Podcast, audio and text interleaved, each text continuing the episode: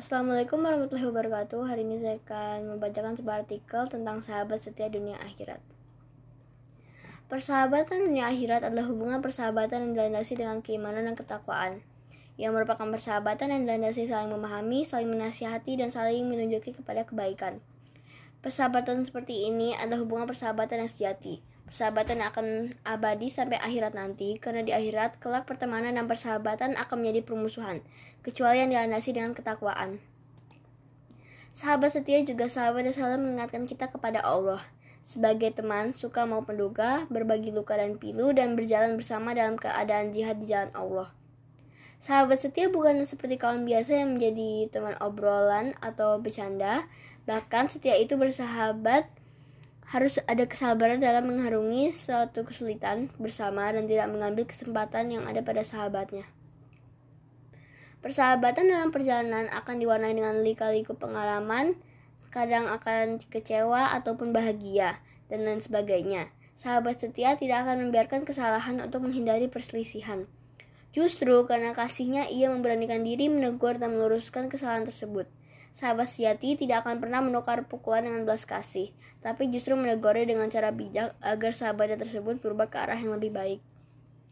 Proses persahabatan diawali dari teman yang lama-kelamaan memiliki perasaan nyaman dan senang, maka berubah menjadi sahabat lalu dijadikannya sahabat setia, di mana usaha dalam menjalin hubungan tersebut agar tetap memiliki keadaan harmonis.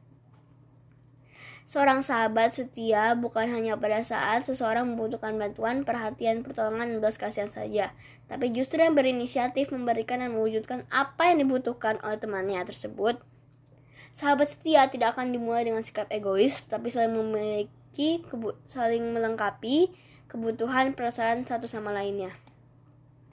Sebagaimana firman Allah Subhanahu wa taala, Teman akrab pada hari itu sebagiannya menjadi musuh bagi sebagian yang lain kecuali orang yang bertakwa. Quran surat Az-Zukhruf uh, surat ke-43 ayat 67. Rasulullah sallallahu Rasulullah Shallallahu Alaihi Wasallam bersabda, apabila dua orang laki-laki saling mencintai dan mengasihi di jalan Allah, yang satu berada di timur sedangkan yang satu lagi berada di barat, maka Allah Subhanahu Wa Taala akan mengumpulkan keduanya di hari kiamat dan berkata, inilah orang yang telah engkau cintai di jalanku. Bagi orang yang beriman, hendaknya tidak menjadikan setiap orang sahabatnya. Ia harus selektif untuk menjadikan seseorang sebagai sahabatnya. Karena seorang sahabat mempunyai pengaruh yang sangat besar bagi keselamatan dan, kece dan ke kecelakaannya. Apabila salah dalam mencari sahabat, kecelakaan dan kesengsaraan akan dirasakannya, baik dalam kehidupan dunia maupun di akhirat nanti. Persahabatan merupakan hubungan yang sangat erat, sehingga seorang sahabat akan membantu membentuk personality sahabatnya. Bila sahabat baik, bila sahabatnya baik, ia akan menjadi baik pula. Namun bila sahabatnya buruk, maka sudah sangat mungkin ia akan terbawa buruknya.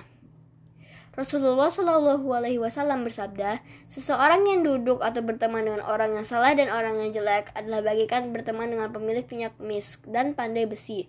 Jika engkau tidak dihadiahkan minyak mis olehnya, engkau bisa membeli darinya atau minimal mendapat baunya. Adapun berteman dengan pandai besi, jika engkau tidak mendapati badan atau pakaianmu hangus terbakar, minimal engkau mendapat baunya yang tidak enak. Amirul Muminin Ali radhiyallahu anhu radhiyallahu anhu berkata, "Jangan kau bersahabat dengan kawan yang bodoh. Takutlah kamu terhadapnya. Betapa banyak orang betapa banyak orang yang tidak baik membinasakan orang yang santun ketika bersaudara dengannya. Seseorang itu diukur dari dengan seseorang apabila mereka berjalan bersama. Sesuatu itu ada ukuran bagi sesuatu yang lain dan mirip. Hati punya petunjuk atas hati lain ketika bertemu. Imam Al-Ghazali juga berkata, bersahabat dan bergaul dengan orang-orang yang pelit akan mengakibatkan kita tertular pelitnya. Sedangkan bersahabat dengan orang yang zuhud, membuat kita juga menjadi orang yang zuhud dalam masalah dunia, karena memang asalnya seseorang akan menjatuh teman dekatnya. Inilah beberapa nilai positif dalam persahabatan. Yang pertama, mencintai dan membenci karena Allah Subhanahu wa taala. Dalam Islam, persahabatan bukan untuk meraih manfaat atau simbol status sosial, tapi untuk meningkatkan ketaatan kepada Allah Subhanahu wa taala. Rasulullah Shallallahu alaihi wasallam bersabda, "Tidaklah kedua orang saling mencintai karena Allah Subhanahu wa taala, kecuali bahwa dia telah mencintai sahabatnya." Yang kedua, saling menghormati dan menghargai. Jalinan persahabatan tidak selalu mulus. Terkadang ada perbedaan pendapat atau perbuatan yang dapat menyinggung satu sama lain. Sikap terbaik sebagai sahabat sejati adalah dengan obrolin dan diskusikan dengan kepala dingin. Bukan mendendam atau membicarakan dari belakang. Selain itu, untuk mengurangi prasangka buruk, bagus juga untuk menambah kedekatan. Rasulullah mengingatkan kepada kita, jangan saling membenci, jangan saling memusuhi, dan jangan juga membutuhkan suatu hubungan. Jadilah kalian hamba yang saling bersaudara. Tidak diperbolehkan seorang muslim memboikot sesamanya selama lebih dari tiga hari. Yang ketiga adalah menyembunyikan aib temannya. Kalau kita tahu sahabat sejati berbuat tidak pantas atau tercela, jangan menyinggung apalagi malah ikut-ikutan dengan alasan solidaritas. Sahabat terbaik akan menjaga aib saudaranya, alias tidak diobrol kepada orang lain. Dan gak lupa untuk ngingetin juga agar enggak mengulangi perbuatannya yang tercela itu. Rasulullah bersabda, siapa saja yang menyembunyikan aib seorang muslim atau saudaranya, maka Allah akan menyembunyikan aibnya juga di dunia dan akhirat. Allah akan menolong seorang hamba yang gemar menolong saudaranya. Yang keempat, saling mengutamakan adanya ada saatnya seorang sahabat perlu uluran tangan kita, baik waktu, tenaga, harta, atau masukan. Jadi jangan suka untuk menawarkan bantuanmu atau kita bisa memberi hadiah untuk meringankan bebannya. Itulah yang diajarkan Rasulullah Shallallahu Alaihi Wasallam. Tidaklah seorang menemani sahabatnya meskipun hanya sesaat di siang hari, kecuali ia ditanya tentang tanggung jawabnya dalam persahabatan itu.